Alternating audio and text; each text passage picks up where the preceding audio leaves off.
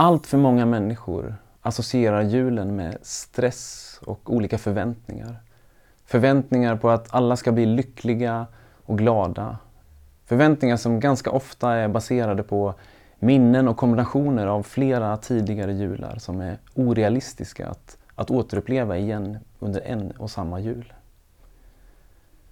Jag hörde talas om ett ungt par som skulle fira jul tillsammans för första gången. De hade planerat och tänkt ut hur just de ville fira sin jul tillsammans. Vilken mat de skulle äta, vilka de skulle bjuda in och vad de skulle ge varandra för julklappar. Men på grund av ett politiskt beslut så blev de tvungna att, att resa bort precis när det var dags för jul. Så de kunde inte fira på den här platsen där de hade tänkt.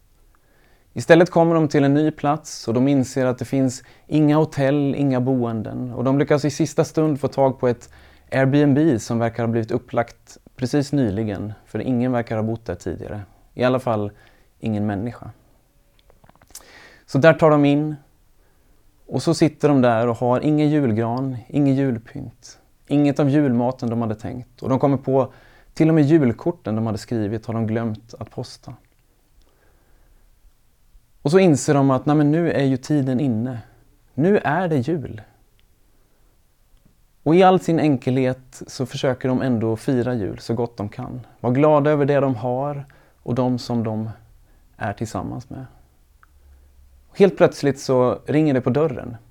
Och utanför står en grupp främlingar som de aldrig har träffat men som säger att, att de har kommit för att fira jul tillsammans med dem.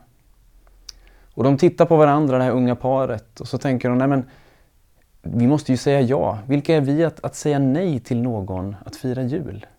Det är ju en högtid för alla. Och så välkomnar de främlingarna in och firar jul tillsammans. Och på det stora hela så, så blir det här den mest fantastiska jul som de någonsin har varit med om. Trots att ingenting blev som det var tänkt. Må också din jul bli fylld av julefrid. Oavsett om det blir som du har tänkt dig eller inte.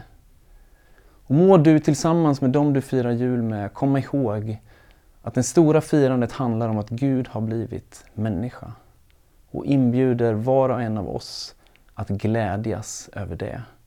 Att ljuset har kommit till världen och att det finns